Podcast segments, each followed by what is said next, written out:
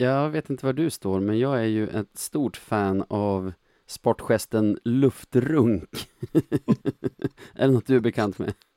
Alltså jag har ju, jag har ju blivit en otrolig sittplatsare, men nu i fredags då det var premiär på Hovet så hade jag hade fått eh, ståplatsbiljetter och eh, hade med mig frun och hon skulle vara där på, eh, ja men för första gången på ståplats. Så på vägen dit då hade jag en liten genomgång av obscena gester som kan vara bra att eh, ha med sig till ståplats och då gick vi bland annat igenom luftrunk.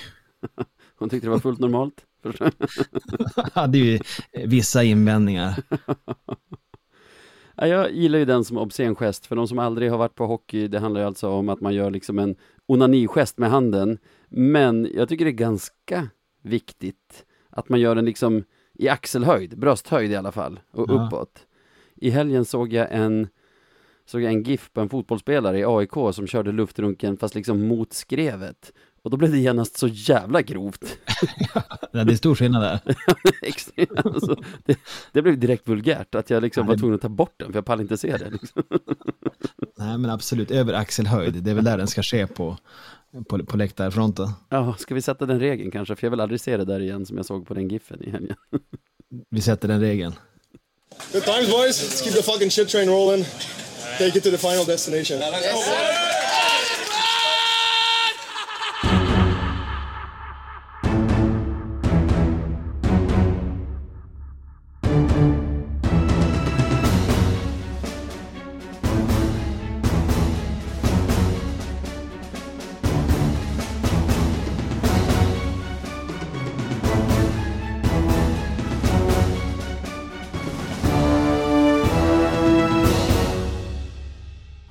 Och då säger vi välkomna till avsnitt 127 av Radio 1970 där vi har gett Sebbe ledigt och har en väldigt van inhoppare i Emanuel Forslund. Jag måste fråga, hur mår benen så här? Är det tre dagar sedan du sprang Lidingöloppet? Ja, det är väl det. De har mått bättre, men idag var det faktiskt en liten runda här hemma på hemmaplan igen. Men jädrar så stela ben det har varit efter ett Lidingölopp som var eh, svinjobbet. Jag, brukar, jag är en ganska så här lugn person, men så arg som jag var på backar på slutet så sprang där och svor och sa, Ja, det var inte kul. De flesta av oss har ju aldrig sprungit det loppet, men jag förstår det är 30 kilometer, men enligt de flesta som håller på med löpning lite tuffare än till exempel Stockholm Marathon för att det är så himla backigt. Och ditt vittnesmål tyder väl på att folk inte ljuger när de säger så i alla fall. Nej, det är sjukt. Jag sprang det för åtta år sedan. Jag kommer inte alls ihåg det så här backigt. Så att jag tänker att åldern har väl tagit ut eh, sin rätt. Eh, och eh, nej, det kommer nog minst bli åtta år till eh, nästa gång. Så att eh, vi men, men, men man, har, man glömmer ju allting när man väl springer in på upploppet och man får liksom eh, gå i mål. Ja. Då är ju, då är ju resan mödan värd, som man säger. Ja, men det förstår jag. Nej, himla snyggt gjort av er. Det var du och frugan, för ni har påbörjat en svensk klassiker nu.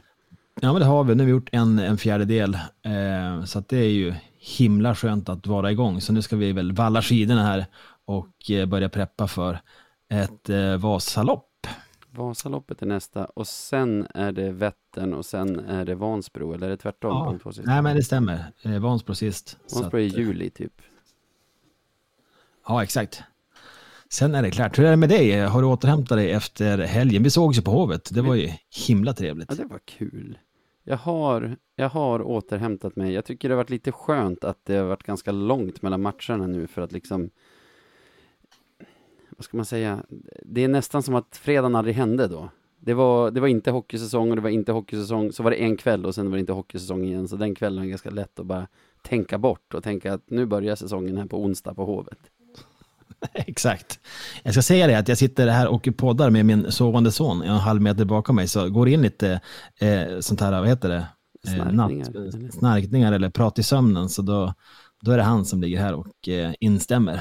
Då tror jag att jag tror att våra lyssnare gillar det också. Men du, på tal om i fredags, vi var båda på Hovet och bevittnade ett debacle. Vad, vad hände egentligen? Ja, det var lite svårt att ta in nästan. Att vi var så otroligt uddlösa. Efter första perioden var det så, amen, det var ju sinnessjuk klassskillnad. Och det är klart att, laget kan bli liksom översköljda inför ett fullsatt Hovet på en premiär. Mm. Men som vi hanterade pucken och eh, eh, spelet så, så liknade det ju ingenting. Man kände ju inte igen Björklöven som lag överhuvudtaget. Jesper Lindgren har jag sällan sett vara så ovän med pucken. Mm. Mm. Så att, äh, jag stötte på Dalert där i pausen jag också och eh, det var ju eh, det var trevligt, men han, han, han var väl inne på det att, att det kan lätt bli så där i premiärmatcher, man vill lite för mycket och hamnar snett. Ja, och det känns ju som att det var lite så att man hamnade snett i det, för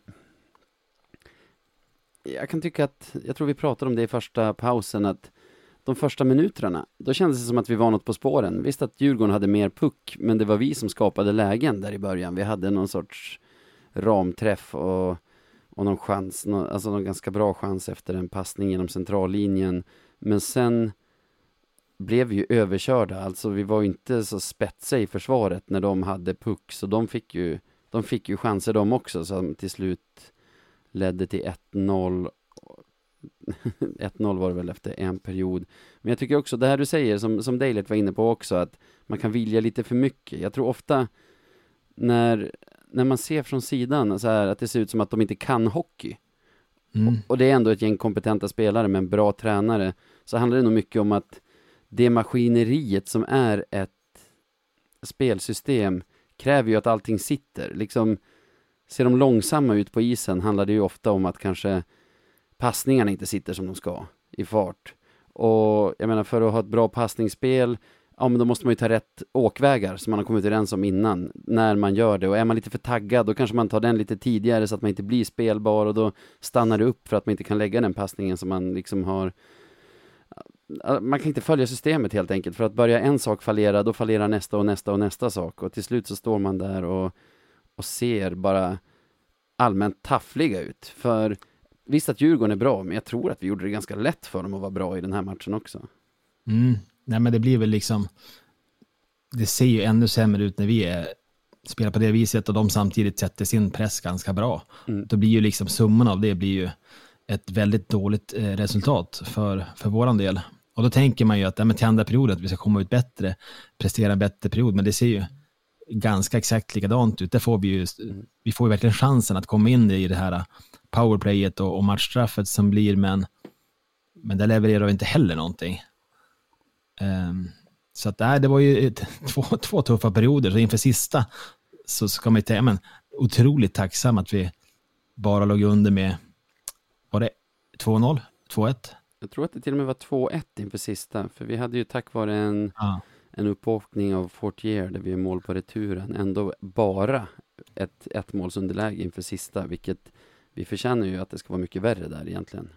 Ja, men exakt. Och på något sätt så höll vi ju på att få utdelning av det, för att på något sätt hittade vi de kanske de första tio minuterna i, i tredje perioden ett spel som återigen liknade Björklöven. Vi fick hänga ett 3-2 mål och då fick vi plötsligt luft eh, under vingarna. Eh, både 2-2 och 3-2 sen.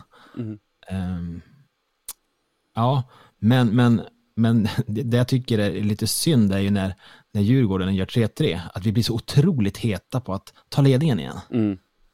Att, jag kan tänka tillbaka på när Fagervall var tränare mm. och liksom så att, att inte hela tiden jaga resultat utan, utan låta chanserna komma till en. Ja. Att när vi är på Djurgården på bortaplan, det är tio minuter kvar, det står 3-3, att det kanske inte är vi som måste stressa för att göra ledningsmålet utan jag hade hellre sett att vi kanske kom tillbaka och vi har ju ett otroligt fint kontringsspel så att vi kanske hade mer tagit vara på chanserna.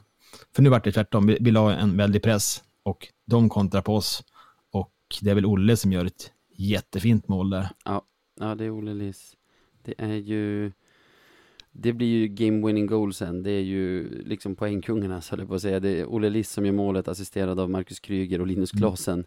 Det är nog inte sista gången de killarna plockar poäng i den här det här säsongens hockeyallsvenska, men jag är lite mer i där, jag tycker liksom du spelar borta mot Djurgården och du har ändå 3-3 med, är det kanske tre minuter kvar av matchen då, då får du ju inte, då får du liksom inte pincha bort dig på det sättet som vi gör, nu minns jag inte vem det är, som, som skapar den här två mot ettan som gör att Olle Liss får gå ganska ren och Kilki tvingas eh, till någon sorts backcheck som han inte lyckas så jättebra med heller mm. faktiskt. Och nej, den kylan och den liksom sån smartness måste finnas. Jag, men, jag tycker redan när vi har 3-2 att vi är lite för heta framåt, att vi jagar 4-2 snarare än att vara ett lag som har en plan för den situationen. Nu leder vi med 3-2 borta mot Djurgården. Nu kan vi vara lugna, hålla oss på rätt sida pucken och gå på våra spelvändningar. Mm. Ja, men jag tycker, för det, det är där vi har nyckeln till en framgångsrik säsong. Att liksom, när vi har ledningen veta att vi kan, vi kan spela ett stabilt försvarsspel och liksom hålla dem på utsidan. Och då kommer vi få chanser när de andra liksom behöver gå ännu mer offensivt och kanske göra de här chansningarna som nu vi gjorde på blå. Eh, då tror jag vi kan straffa motståndarna väldigt mycket. Och jag tänker att det, det vore lite intressant att veta vad, vad den här iven beror på. Om det är tränarna som driver på den eller om det är spelarnas egna initiativ för att de känner liksom att Nej, men nu har vi faktiskt kommit in i den här matchen när vi skapar och vi vill gå. Eller om, ja, vad det, vad det där beror på. För jag hoppas att det är det och att det inte är liksom från bänken det drivs på att vi ska köra mer för att bevisa något. Ja, nej men precis. Eh, precis som förra säsongen så får vi börja med vår kapten Fredrik Andersson på skadelistan. Nu har Hockeyallsvenskan gjort om sin sajt så det är svårt att ta fram den typen av statistik som man kunde förr. Eh, men jag minns att jag räknade ut någon gång under förra säsongen att vi var typ femte eller sjätte bästa lag i serien, något sånt där, fram tills Freddan kom tillbaka och sen det absolut bästa laget i serien efter att han hade kommit tillbaka från sin skada. Så nu, alltså, jag är lite anti att dra för stora slutsatser om den här säsongens Björklöven baserat på, på en match, men... Ja, det är rimligt. återigen, vår kapten verkar viktigare för oss än vad det kanske, vad han kanske verkar på, på isen så att säga, spelmässigt. Ja, det återstår ju att se, tänker jag. För, för det som du säger, det är en match nu. Ja, men kolla på Södertälje, de åkte till Mora och gjorde en skitmatch där och i, ikväll när vi spelar in det här så piskar de Östersund med 7-1 matchen efter. Mm. Eh, så att, eh, men i fjol så var det uppenbarligen en, en stor skillnad utan Fredrik. Eh, och han betyder ju mycket som person. Men det blir intressant då han kommer tillbaka och. Jag ser hur det påverkar. Jag tänker att i just en sån här match också, när det kanske skulle behövas lite av en en pappa där i laget mm. som, som lugnar ner och, och som, som säger det folk behöver höra. För jag tror säkert att Stråle har sagt nu, nu bevakar vi den här ledningen, men spelarna är lite för, för aggressiva och peppade ändå. Att det skulle behövas att en utav dem kanske var Freddan som, som liksom har den impacten på gruppen, att kunna, kunna se vad som behövs göras och, och lugna ner det hela. Så Ja, jag hoppas inte han blir borta länge oavsett om fredagens förlust var på grund av att han saknades eller inte. Så, så han får gärna komma tillbaka. Absolut, vad är prognosen? Vet man om det? Jag har inte läst något om det.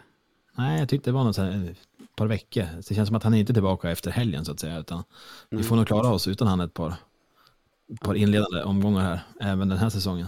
Nästan så att man skulle vilja ha honom på bänken då också.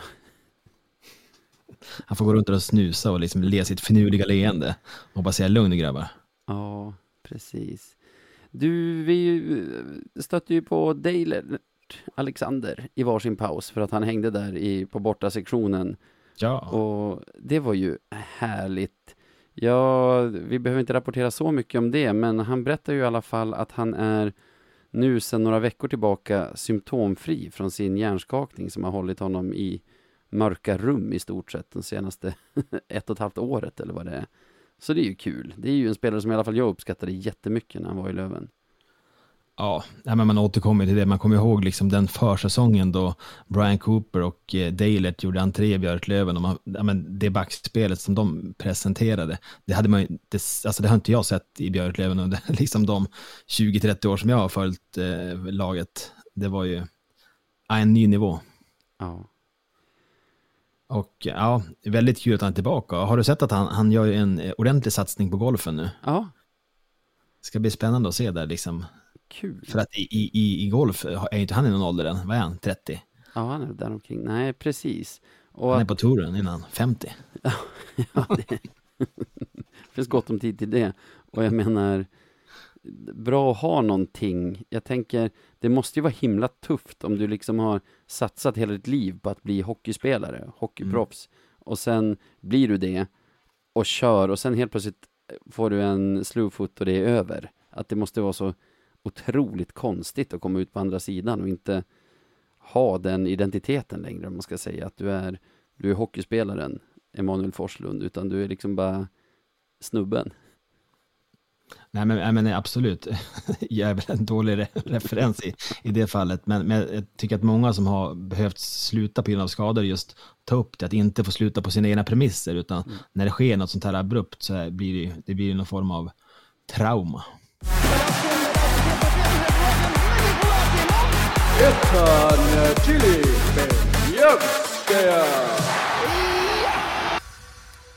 Ja men du, nu är det ju dags. Jag ska äntligen få vara med på en veckans Beljavski. Ja, hur känns Då det? Vi, ja men det känns så himla roligt. Vi ska utse veckans bästa lövare.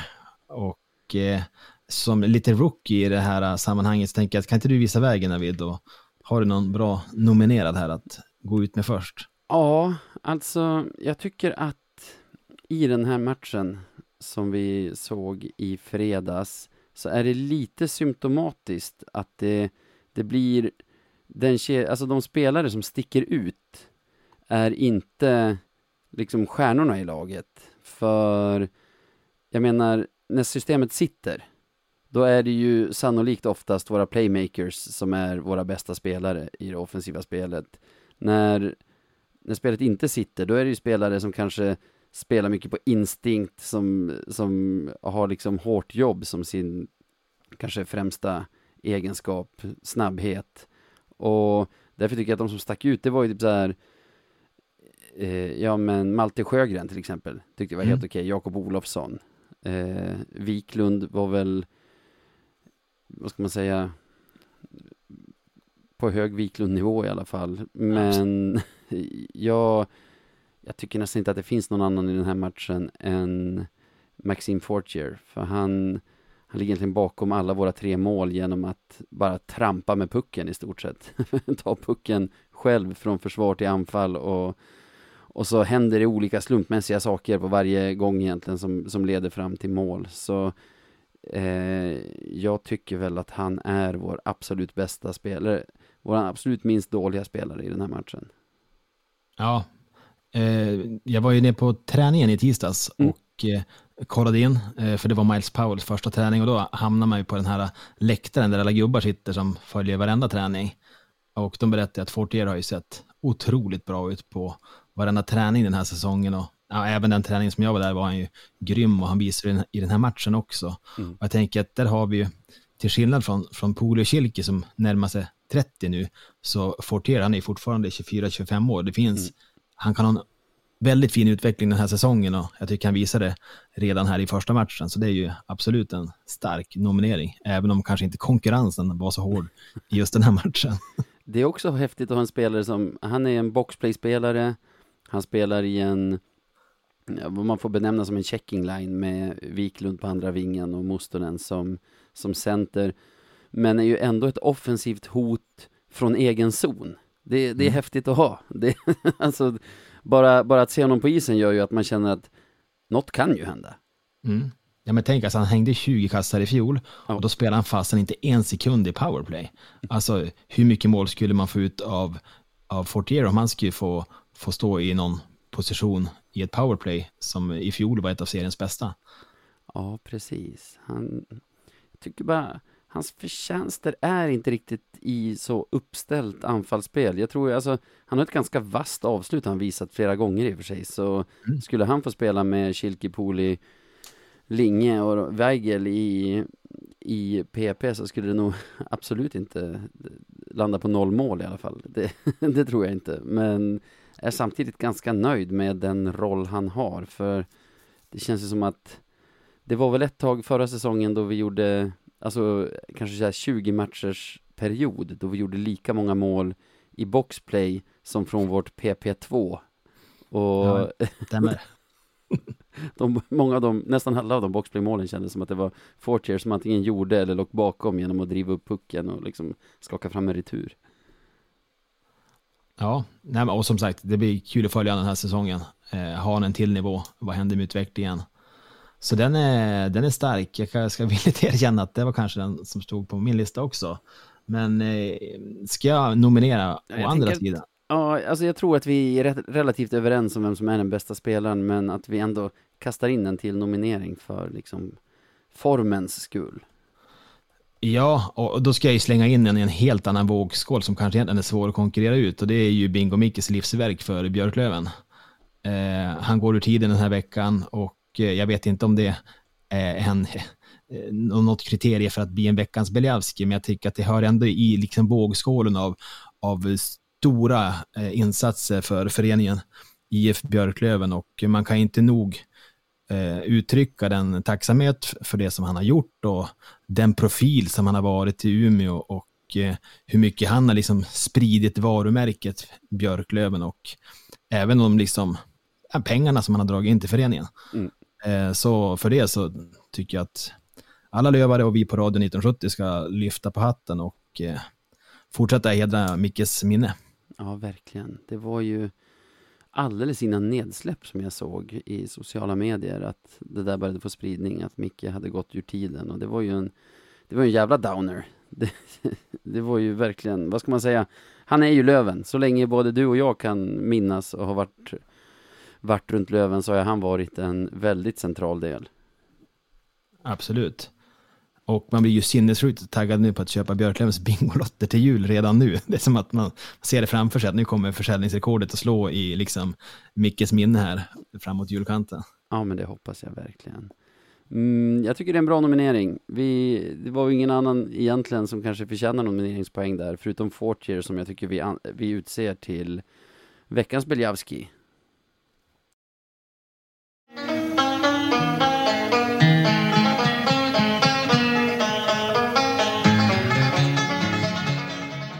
Veckans Marklund. Och där är det dags för precis det Olle Emsing säger i slutet av den vignetten. Veckans Marklund. Jag glömde säga grattis förresten till Fortier, det måste vi göra. Grattis! Grattis Fortier. Och då är det dags att utse, som jag sa, veckans mest klandervärda i det här bejublade segmentet som vi har. Ehm, du blev lite inkallad här samma dag. Har du hunnit fundera någonting på, på vad vi har? Ja men alltså veckans Marklund, det är sällan ett problem för mig att värpa fram några sådana. Eh, så jag, jag har faktiskt en, en uppsjö, jag vet inte riktigt vad jag ska välja. Jag vet, ha- hade ni upp den här Kristianstad-supportern förra veckan? Nej? Nej, då har jag min nominerad här. Det här är ju en otrolig historia som uppdagades i förra veckan. Eh, inför seriestart så är det en Kristianstad-supporter som går ut på Twitter med en eh, fyra bilders bildserie med, med texten. Jag tänkte läsa de här texterna till de fyra olika bilderna. Ja. Då han skriver så här. Här kommer det hä- härliga men samtidigt tuffa beslut som jag har tagit. Eh, som jag skrev om i min senaste video. kommer bild två. Jag har i hela fyra år burit den grönvita supportertröjan för Kristianstad IK. Men precis som många av spelarna som har lämnat så känner jag att i och med degraderingen så får det vara nog. Jag vill inte hålla på ett lag i Hockeyettan. Bild nummer tre. Så jag har som hockeysupporter bestämt mig för att börja en ny era med Nybro Vikings. Jag är jättespänd på att följa deras resa i HA. Ja, ja, och så sista bilden. Jag vill tacka Kristianstad för alla härliga minnen som vi haft genom alla åren. Till exempel första säsongen i Allsvenskan, första målet i Allsvenskan och framförallt succésäsongen 21-22. Ja, men, Jag önskar er allt det bästa i framtiden och lycka till i Hockeyettan. Tack för allt KIK. På återseende. återseende. Och så hashtag för alltid grön. Det är ändå ett statement att efter fyra år som Kristianstad-supporter då har man fått nog. efter hela fyra år. Men vänta, fyra år. Han blev ett fan när de gick upp i HA alltså? Ja, det måste ju ha varit så. För de har ju spelat fyra säsonger. Ja, och nu när de åkt ut och också. känner att, att nu fick det vara nog. Så att, att ta beslutet att sluta följa och att välja då ett lag som ligger i krokarna och ja, satsa på dem istället.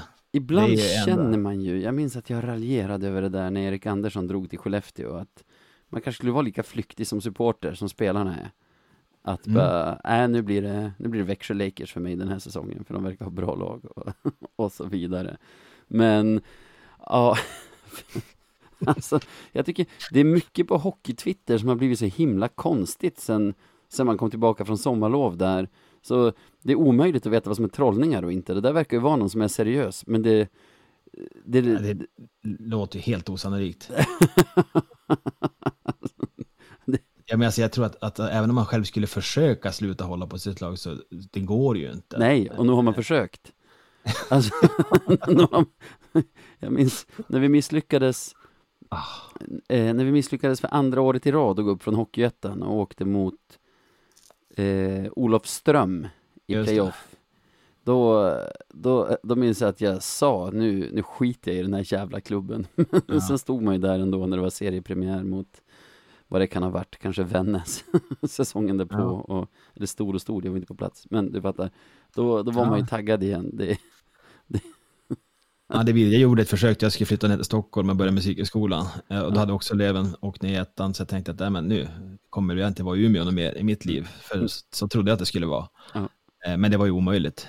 Man satt ju ändå där och liksom försökte hitta någon LG-stream för att eh, se elevens matcher. Och, och eh, ja, det, man blir ju inte kvitt det, även om hur mycket man än skulle försöka. nej. Men alltså, det hade varit intressant att få tag på den här killen och ha, ta liksom en uppföljning här under Nybros säsong. Också, Har hans take på det hela. det är himla roligt skrivet, för han är liksom inte... Det är utan bitterhet han går också. Ja, nej, han tackar för goda minnen och lycka till i Lycka framtiden. till, för alltid grön. Ja. Jag gillar honom på något sätt. Han, han tar ingen Nej, skit det- i livet. Nej, det är rakryggat. Han förtjänar bättre än Hockeyettan och han vet om det. Japp. Åh herre. Ja. Jag har en grej som jag har varit rasande på sen i fredags, utöver Björklövens hockey. Och... Fan, jag pratade med en kompis igår och, och vräkte ur mig allting, så nu känner jag att jag inte har den här liksom rosenröda ilskan över mig längre när jag ska ta upp det. Det var fan synd. Men det som hände, jag vet inte om du var kvar då på Hovet i fredags när vi efter match ska lämna borta stå och helt plötsligt får vi inte det. Nej, absolut. Jag var kvar där. Vakterna har ställt upp sig och bara släpper inte ut oss. Alltså, Jag kan ju börja med att berätta att jag har varit på de flesta Löven-matcher på Hovet, om inte alla, sedan 2006. Aldrig varit bråk, aldrig varit stök. Det, det är helt omöjligt att klassa oss som någon sorts risksupportrar. Men helt plötsligt står vi där och ska gå ut och får inte. Nej. Och vakten som står där, jag menar det är inte han som har tagit beslutet, men vill inte berätta vad hans överordnade heter. Påstår att det är polisen som har tagit beslutet, säger inte liksom, jag menar, vadå vilken polis? Det, det, det är ju kanske 20 minuter vi får stå där ska sägas. Och det, folk kan säga, det är ju inte hela världen att, att få stå där i 20 minuter istället för att gå ut, men, men jag menar, du kan säga så, men det är fan stövelslickande på högsta nivå att säga så. Det måste ändå finnas någon sorts, vad ska man säga, utan att använda för storsvulna ord om frihetsberövande så känner jag, jag går inte på hockey för att bli behandlad som boskap och får jag inte lämna läktaren när det passar mig så vill jag åtminstone veta vem som har tagit det beslutet så att jag kan kontakta den personen och, och berätta vad jag tycker. Men sen när man Mm. kommer ut, för då stod det poliser där och då konfronterade jag dem och, och frågade varför, varför hände det här? Då påstår de, påstår de att det inte är deras beslut heller, utan att det är typ ligan, arrangören, Djurgården, någonting vagt så, så att man blir liksom så här, va, har ni bara kan man säga frihetsberövat? Det, det är en juridisk term. Har ni bara berövat mig på min frihet och gå så här, och kan inte ens säga vem som har sagt det, utan bara så här, godtyckligt hasplat ur sig det. Och det finns ingen rim och reson i det, för det finns ju noll våldskapital på den där läktaren. Man såg ju när vi stod och blev liksom förbjudna att gå ut hur det var tanter och farbröder och barnfamiljer som bara, som bara ville därifrån. Ja. Lövenklacken, de sköter alltid det så snyggt också. Liksom. Även fast många blir frustrerade så, så kan man ändå liksom finna sig och, och dra lite roliga ramser. Får vi gå hem nu och hela hovet håller på löven och sådär. Det är, ändå, det är härligt i liksom den stunden av frustration ändå att det kommer ut fortfarande med glimten i ögat. Svinkul, för att det är precis som du beskriver, det är som att ingen tar ansvaret, man pekar bara på nästa, nej det var inte jag, det var den, och så pekar den på nästa, nej det var dens fel, och så pekar den åt ett annat håll. Um, och även om så här, ingens liv förstördes av det här, några barn fick vara uppe lite längre på en fredagkväll än vad de kanske skulle ha fått annars, så det var ju kul för dem. Men liksom, var man en, alltså hur liten inverkan den har, att, att bara hålla människor mot deras vilja utan att delge någon sorts brottsmisstanke är ju en ganska stor sak där man behöver ha på fötterna och behöver kunna förklara vad, vad det är som händer. För det fanns inte heller riktigt något svar på, men vad, vad är det vi väntar på då? Alltså, varför händer det här och vad är det som ska ske innan vi får gå? Utan eh, jag var riktigt förbannad när jag gick därifrån. Alltså, vi snackar rosenrasande. Ja, men det är rimligt. Vi skulle haft med den här gröngula juristexperten, vad heter han, Dario? Ja. Som hade kunnat reda ut de här termerna för oss, om vi, om vi har blivit eh, behandlade på fel sätt här. Kränkta Löven-supportrar som känner sig frihetsberövade. Jag har faktiskt eh, frågat Emsing om det, som har frågat runt lite. Och den som har tagit beslutet måste i alla fall ha varit någon inom polisen, för liksom det är ett beslut som inte en arrangör får ta. Men liksom, eftersom man inte fick något svar och polisen inte tog ansvar där heller, så känns det som vet, min misstanke efteråt är så här, de är vana att hantera fotbollssupportrar. Mm. Och fotbollssupportrar har liksom blivit behandlade av boskap, eller blivit behandlade som boskap så, så länge så att de liksom inte reagerar på sådana här saker, utan liksom tar det. Mm. Så fotbollssupportrar, de jag följer, alltså det dyker upp i mitt Twitterflöde och så, när de tappar det, det är ju först när liksom polisen begår övervåld mot dem. Det, fram tills dess så hör man ingenting. Det, det kanske har något sånt, jag, jag vet inte, men det är ju fan, ja, jag blir galen man vill bara ut liksom. Ja, det blir spännande att se nu på imorgon. Eh, ifall det blir något liknande efter AIK-matchen. Om det här är liksom årets trend. Ja, eller att hur? Hovet, där blir man, eller om det blir bättre fasoner från AIKs publikvärdar. Ja, för ska det vara så här, då tycker jag att då skiter vi bortast då. Då kan vi komma överens om någon annan sektion som alla lövare köper sina biljetter på. Så, så får de stå där och stoppa ingen från att gå ut från, från bortast då. Absolut. Svårt också, när ingen tar ansvar är det svårt att veta vem det är man ska nominera här också. För jag vill ju inte ta vakterna, även om, vad ska man säga, jag följer bara order. Sällan Ja, en solid, solid, ett solidt försvar så är det ju inte deras beslut heller. Eh, Nej, det är luddigt att att veta vem det är eh, Ja. som är nominerad. Ja, eh, säger hanteringen av bortastå är min, är min nominering som jag brinner. Jag har sällan brunnit så här mycket för en Veckans Marklund någon gång. Nej, och då är det väl rimligt att eh, den får, får, får slinka igenom den här gången, även om jag tycker att byta lag godtyckligt på grund av framgång. Det är en Också given är vinnare de väl- flesta, de flesta kan. Hade vi, nej vi namnger inte förresten. Kristianstad-supporten har vi som, som sidonominerad där. Det är också så här, eftersom vi på bortastå omöjligt kan ha varit ett hot, så hålls vi kvar för vår egen säkerhet så måste det ju ändå vara mitt val att lämna. Om, om, om jag får informationen om att så här, det kanske inte är helt säkert att gå ut, det finns djurgårdare där ute, man vet aldrig. Så får väl jag ta det beslutet då, men inte hålla, ah, nej nu ska vi inte fastna i det här. Grattis hanteringen av bortastå Grattis. i veckans Marklund.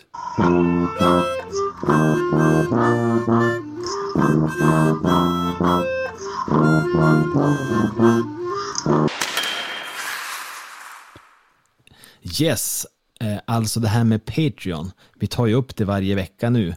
Eh, och det är ju ett himla härligt sätt att kunna eh, stödja podden helt enkelt. Och eh, som ni har varit inne på tidigare veckor så är ju vår Discord-kanal också en anledning nog att eh, hänga med i det här supportandet. För där är det gott tugg varje dag. Man får inside information från träningar, man får läkartips och allmänt gott tugg sällskap på tågresor och så vidare och så vidare. Och vill man då stötta då gör man det via patreon.com snedstreck radio 1970 och vill du se någonting om, eh, om nivåerna av, av det här? Ja, det finns nivåer för egentligen alla människor. Nu, nu har jag dem inte framför mig, men det börjar ju på 48 kronor i, i månaden. Alltså jag tror det är 6 kronor per avsnitt i så fall man betalar. Och sen finns det knappt något tak. Är det 50 000 i månaden som, som är den högsta? Vill man ge mer än så, då kanske man får kombinera två olika medlemskap i, i vår Patreon. Det är inte så jättemånga av våra Patreons som kör den 50 000 kronors nivån har jag sett. Nej, nej men det är ändå helt okej. Okay. Vi är glada för alla som vill vara med. Verkligen. Och kul ju fler man är också på, på Discord och så. Jag ser det droppar ju in folk lite då och då. Och det, Himla härligt. Tack, för, tack till er som är Patreons för att ni är det och eh, ni som inte är det, tack för, att ni, på. tack för att ni kanske blir det någon gång snart, vem vet? Men du, nu har vi en hockeyvecka som kommer och det är äntligen en trematchersvecka. Vi har ju Ja, onsdag. så jädra skönt. Ja, tillbaka till Hovet. Jag skrev eh. efter lördagsmatchen, eller oh, fredagsmatchen mot Djurgården att Fasen vad kul det ska bli med seriepremiär på onsdag. Det känns verkligen som det. Båda första matcherna vill man bara glömma, men det är nu också det kickar igång. Nu kommer det liksom tre täta matcher här. Onsdag, fredag, söndag. Eh, det är så man vill att hockeysäsongen ska vara. Torskar man en match så snabbt komma en ny så att man kan glömma eländet och gå vidare. Golfare som Alexander Deilert vet ju vad en, en mulligan är, en pilsnerboll. Ja, men exakt. slår, man, slår man lite skevt på första slaget och då behöver inte det räknas. Och det tycker vi kan se Djurgårdsmatchen som lite av en, av en pilsnerboll där. Helt klart. Eh, så att, då får vi ta revansch på Hovet eh, i morgon. Eh, jag såg att AIK de närmade sig 5000 sålda biljetter. Oj. Jag tycker det är lite störigt att vi ska vara på Hovet två gånger i rad. Ja. För det blir ju ändå, det blir ändå premiär, det blir tryck där. Ah, ja. Vi kommer ihåg att vi hade en premiär i fjol också mot AIK, då vi förvisso spelade helt okej, okay, men vart ju ändå resultatmässigt överkörda. Ja, och det var ju AIKs hemmapremiär den säsongen. Nu får vi, nu får vi gästa Djurgårdens hemmapremiär, sen AIKs hemmapremiär. Det, det känns tufft, men samtidigt så förväntar jag mig, alltså vi har ett bra lag och det, det finns ju stolthet under liksom matchtröjorna på de här spelarna. Så jag förväntar mig ändå att vi kommer ut på ett helt annat sätt mot AIK som ändå som, har, som är ett bra lag, men som är ett sämre lag än Djurgården. Och förhoppningsvis ett sämre lag än oss också. Mm, och det ska bli väldigt intressant att se hur de hanterar nu, för det kommer ju bli på samma sätt. Men, väldigt liksom upptrissad stämning. AIK kommer liksom köra i början och se om laget har lärt sig någonting från, från Djurgårdsmatchen, att hantera det på ett eh, bättre sätt. Ehm, för att eh, jag tänker att vi kan absolut förlora mot AIK på, på bortaplan, eh, även om vi spelar bra. Men här finns det verkligen en, en möjlighet att ställa två matcher efter varandra mot varandra på ett ganska jämbördigt sätt, även om kanske Djurgården i grunden är ett bättre lag än vad AIK är. Ja, precis. Och jag läste en intervju inför eh, seriepremiären med Rickard Gynge som som ju spelar med AIK och han pratade om eh, kedjan han spelar i med Sion Nybeck och Jerry Fitzgerald och hur bra de trivdes tillsammans och liksom hur han kände att, att eh, de skulle nog få det att funka. Nu förlorade ju AIK sin första match mot Brynäs där de ändå spelade ganska bra som jag förstår det och AIKs första mål för säsongen var faktiskt Sion Nybeck assisterad av Jerry Fitzgerald och Rickard Gynge så det är ju en kedja att se upp med. Absolut. Jo, men och de har ju, de har ju även det bakom. Jag, jag tänker att eh, AIK, de har ju de har initierat en satsning i år där de har, har sagt att de har mer pengar och eh, de har ju verkligen fyllt på i leden. Kristof Kontos och hans kompis från, ja, om det var något, Slovakien, eh, Trock där och även ja, men Musito Bagenda är kvar och han ser ju ser väldigt fin ut i år också så att det är ju ett tungt och finurligt lag som vi, ja, Precis. De slår vi inte av bara farten. Nej, verkligen inte. Men jag vill nog tippa seger i den här. För det är så tråkigt att tippa förlust. Jag säger att eh, vi vinner med 4-2. Mm. Det är ju rimligt, men då skulle jag kunna tippa förlust. Det har jag inga problem med. Och ska kunna vända på resultatet och säga att det blir 4-2 till AIK. Tycker att båda känns rimliga, liksom inom ramen. Det skulle kunna gå åt, åt vilket håll det här. Men det vore ju... Om någon av oss får rätt, då tror jag det är öppen kasse på sista, eller? Ja, ja, det är så jag tänker att 4-2 kommer vara. Ja, jag är med dig där. Sen har vi, det är nästan Major League Baseball. där, där har de ju när liksom San Diego åker till New York för att möta Yankees. Då möts de inte en gång och flyger hem, utan då kör de tre matcher. De kör en Mm. liten serie. Och Västervik kommer till Umeå här och kör båda sina Umeå-matcher för säsongen på en helg, fredag och söndag. Vad har vi på Västervik? Ja, de fick ju vara kvar i serien, inte på sportsliga grunder. Och det är väl eh, morot nog att slå dem.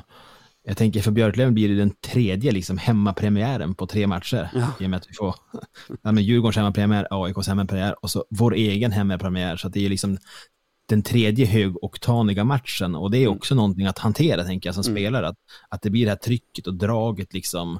Och nu dessutom på hemmaplan. Jag vet inte om det egentligen är enklare att hantera än vad det är på bortaplan för att jag tycker man har sett att Björklöven vill gärna liksom visa upp sig från den fina sidan Mm. på hemmaplan och det har inte alltid varit till lagets fördel. Nej, så är det ju. Och det är ju energikrävande matcher också, sådana här publikfester som det ändå var på Hovet i fredags, som det kommer vara i Hovet nu igen då mot AIK onsdag kväll och som det kommer vara i Wimpos på fredag. Mm. Så eh, det dränerar ju energi, det gör det. Sen en trött söndagsmatch på det.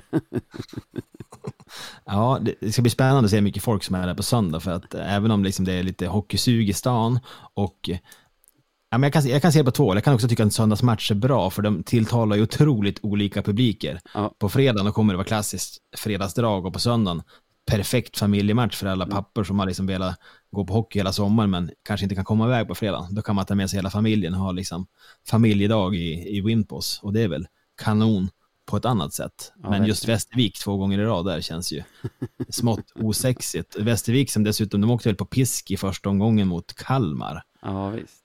eh, som, som på förhand har sett otroligt svagt ut. Så det blir väl spännande att se dem följer upp det innan Löven-matcherna och med vilken känsla de kommer in upp till Umeå för att möta oss två gånger där. Men traditionens makt och så vidare, inte åker Västervik hem med noll poäng från en helg i Umeå. Nej, det ska väl väldigt mycket till för att det ska hända. Det kan jag verkligen inte se. Jag tänker att du Nej, jag, får... jag, kan, jag, ja, jag, kan, jag kan börja på fredag. Mm. Eh, för jag tänker att vi kommer vinna fredag. Mm. Eh, ganska komfortabelt. Jag skulle kunna tänka mig att det blir, säg, 5-1. 5-1 Eh, vinst. Fem olika målskyttar till exempel. Ja. Vem, eh, vem sticker ut i Löven då? Eh, ja, men jag skulle säga att det är den här matchen som Kilki eh, känner sig som hemma igen och eh, jag tänker att han, han eh, kan behöva få lite mer ytor mot de här sämre lagen för att Mm. hitta lite självförtroende igen och få leverera. Så att, ja, det här blir Kilkis kväll. Logisk tippning av dig. Nu behöver jag tippa emot. Jag får väl gå på det att det har varit, det dränerar energi från truppen att spela två liksom hemmapremiärer på Hovet eh, inom en vecka och sen komma hem till en sån här uppgift som är lite, du vet, en match som bara ska vinnas. De ska dit och hämta sina tre poäng och det är aldrig så lätt som det låter. Så vi drar väl in en straffförlust här. Vem tror du står i den här matchen? Jag tror det blir 2-1 till Västervik på straffar utöver, för övrigt. Mm. Nej, men då står Jona hemmapremiären. Kan inte tänka mig något annat. Det låter ju rimligt när du säger det så faktiskt. Söndagsmatch sen. Alltså, livrädd för, alltså söndagsmatcher mot så här, vad ska man säga, inte så namnkunnigt motstånd. Det vann vi någon söndagsmatch förra säsongen? Det var Man väl vet knappt. Man vet ju exakt hur det kommer se ut en sån här dag. Alltså, Löven kommer inte prestera, det kommer så här, ah, vara frustrerat på läktaren och så här, kanske underläge eller väldigt jämnt åtminstone. Ja, vill du börja eller får jag äran även den här? Mm. Nej, börja du. Jag, jag slits mellan att vara en, en god värd Nej, men- och att vilja hugga förlusten själv. Men du, du får börja. Ja, men då ska jag ju ta den. Jag, men jag känner ju det så långt. Kommer du ihåg sista matchen mot Västervik i fjol? Eh, jag tror det var väl en, det var också en helgmatch, det kanske var en fredag, men det var ju 0-0 typ till sista minuten då Jerry Fitzgerald pangar in ett klassiskt Fitzgerald-mål. Ja. Och eh, jag tänker att här så kanske det blir så, fast åt andra hållet. Eh, 0-0 hela matchen, vi drar på oss någon skit onödig utvisning och eh, ja, någon importkille som kommer säljas till Brynäs innan transfer deadline pangar upp den i PP och eh, Umeåborna går hem en Man vet exakt hur det kommer låta. Riktigt deppiga. ja, exakt. Man vet Ja, ju men- exakt, alltså så här, parkeringen utanför, stämningen som kommer att vara, de här sammanbitna eh, käkarna man kommer att se liksom utanför hallen efteråt när folk bara här, rymmer från arenan efter en torsk. Ja, och när motståndaren skjuter mål och man hör när pucken går i mål och det blir helt tyst och de jublar. Mm. Eh, ja, det är så fruktansvärt jobbig känsla. Och sen söndag också, så är det måndag dagen efter och så här. Då har vi en risig start på serien. Så att, ja, ja den, blir, den blir tung. Vad sa du för förlustsiffror? Eh, 0-1. 0-1, deppigaste matchen. Eh, ja, jag vet inte. Det har varit många deppiga matcher när jag tänker efter. Deppigaste hemmamatchen den här säsongen i alla fall, kommer det vara hittills. Japp. Ja, jag tror på vinst då. Kul. Men eftersom jag har tippat förlust fredag kväll, det ska ju mycket till för att vi blir svepta av Västervik i den här två serien. Jag vägrar se det hända. Så vi har ju den där 2-1 förlusten efter straffar. Eh, vi har säkert Melker i mål på söndag, tänker jag. Mm. Och gubbarna vill stå upp för honom så de går in och liksom på ren tjurighet kör över Västervik, vinner till slut med 5 0. Oh, Vet kul. du- Jag älskar ju... Vi håller ju aldrig nollan, förlåt Melker. Nej. 5-1 blev det här på, på pappret, jag ber om ursäkt. Du får säga det du skulle säga om 5-0 ändå. Ja, det hade varit så himla roligt. Eh, Jag älskar ju då det bara är glädje. Då Mm. man slipper liksom släppa in något mål. Men, men för då så var det väl, ja, det var väl en träningsmatch där vi spelade svinbra. Ändå liksom ska man ändå släppa in något skitmål då det är en minut kvar. Och det är bara så onödigt. Det Mm. lägger lite sordin på euforin. Ja, ja lite, lite ovärdigt nästan när man gör en prickfri match i övrigt, att man inte får ge målisen en nolla där i slutet. Fast man nära man har känslorna till hands då man pratar om resultat. Ja, Man vet ju exakt hur det känns med 5-0 och man vet exakt hur det känns liksom att Ja, förlora ja. med 1-0. Och, Och det tycker jag här. jobbigaste med den här veckan som kommer, att någon tippar ju förlust varje match och när man hör förlust, eh, liksom bettet och man hör siffrorna, man känner ju förlusten i hela kroppen när man hör om den. När du berättar om den här 1-0 förlusten så blir jag ju galen i förväg över den. Mm. Nej, och, det, och det är det här vi ska leva med nu de kommande liksom, sex månaderna. Och det ska intensifieras och eh, ja, det är bara att förbereda sig ordentligt. Mm. Äta och sova och dricka och tänka att det är det här vi lever för. Ja, precis. Men du, om man vill höra av sig till oss och berätta hur dåliga vi är på att tippa eller, eller hur fantastiska vi är att lyssna på, hur gör man det då? Jo, då tycker jag att man ska skicka e-post till exempel eh, till podcast at radio1970se och man kan nästan ännu hellre höra av sig via sociala medier på at eh, radio1970se på både Instagram och Twitter som det hette. Eh, eller så kan man såklart bli Patreon och liksom få direktlänken. Det är ju det absolut smidigaste sättet. Det är supersmidigt. Det skulle jag rekommendera nästan. Ja. Men du, hur är det på, det är så kul att vara med här på onsdag, för vi har inte limerickar på, på, sön, på, på Supermåndag. Eh, har vi något den här veckan som man ska få ta del av eller är det Det har vi. tanken? Har vi det? Jajamän, Per på Costa roligt. har faktiskt eh, steppat upp ännu en gång. Om ni vill ha limerickar i slutet av avsnitten så måste ni fortsätta höra av er med dem. Vi har ju många knepare och knåpare bland våra lyssnare och vi har ju väldigt många kontaktytor, så har någon skickat en som de inte har hört i podden ännu, skicka den igen, för då har jag, säkert jag eller Sebbe sett den och tänkt den här ska vi läsa upp och sen har det inte blivit så. Men nu kör vi på på Kostas. Med Meyer och Powell i PP ska nämnas kanske att den här är skriven före fredagens match. Eh, Med Meyer och Powell i PP. Man nämner oss ofta i TT. Likt en ångvält vi far och tabellseger tar och i slutet får fira med GT. Ja, Den men, den, ja, men väldigt mycket. Det var ju fantastiskt avslut på den här äh, podden tycker jag. Att få liksom gå ut i, i, i liksom något hoppfyllt. Att eh, det är det där man drömmer om.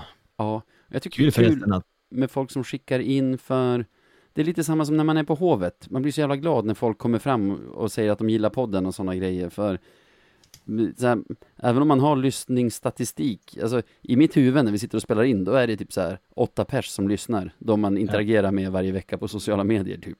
Det, det är kul att få kvitto på att det vi gör uppskattas. det är supertrevligt och, och folk är ju så himla trevliga. Och eh, det är alltid kul att snacka hockey. Så att eh, det, det uppmuntras att höra av sig. Ja, jag vill ge efter fredagen en extra shout-out till eh, Kristin Hansson. För hennes grabb, det är ju Marcus Nyman i GD, som var nere på, i, på fredagens match. Och så kom han fram och berättade att nu har mamma sagt att om jag träffar någon av er från podden så måste jag hälsa. För hon tycker podden är så bra. Ja, riktig, riktig toppenlyssnare. Kanske vår bästa lyssnare, vad vet jag. Eh, är du taggad för efterfest? Jag är sjukt taggad på efterfest. Vilken grej. Nu ska jag hämta mig en Loka här så att jag är redo. Ja, vad bra. För det är dags för det nu. Och ni som, ni som väljer att bli Patreons, ni får ju ett extra avsnitt av oss varje vecka som vi kallar för Radio 1970 Efterfest. Men innan det är dags för det så har ju Johan Fällman, bandet Komara, hört av sig. Eh, de har gjort en Lövenlåt. Eh, du vet ju hur det är att göra Lövenlåtar. Det det är kanske någonting, jag vet inte om man har den där kreativa ådran och, och brinner så mycket för Löven, någonting som nästan är ofrånkomligt, eller? Ja, och framförallt är det kul tycker jag att det, att det dyker upp eh, en stor mängd låtar för att eh, det är bra att det fylls på. Olika genrer, olika stil. Eh, Så tänker jag att då, då täcker man av ett större spektra av musiken också. Så att jag är spänd att få höra det här. Ja, jag frågade honom faktiskt, behövs det verkligen en Lövenlåt till? Men han menar så här att alla vill ju bidra på något sätt och i hans fall tror han inte att någon hade velat se honom styra PP från blå eller sniprar från cirklarna. Så han har musiken liksom och det är hans grej och det, det kan man som känna igen sig med också. Det är väl lite grunden till den här podden också, tänker jag. Så eh, med Komara, låten heter Sjung högt, sjung stolt och den kommer att komma upp på Spotify också i sinom tid. Det går inte jättesnabbt att få upp låtar där va? Spotify, de tar sin tid. Det är bara liksom att, att vänta och hoppas på att man kommer fram. Men fram tills ni hittar den där så, så hör ni i alla fall Komara Sjung högt, sjung stolt här.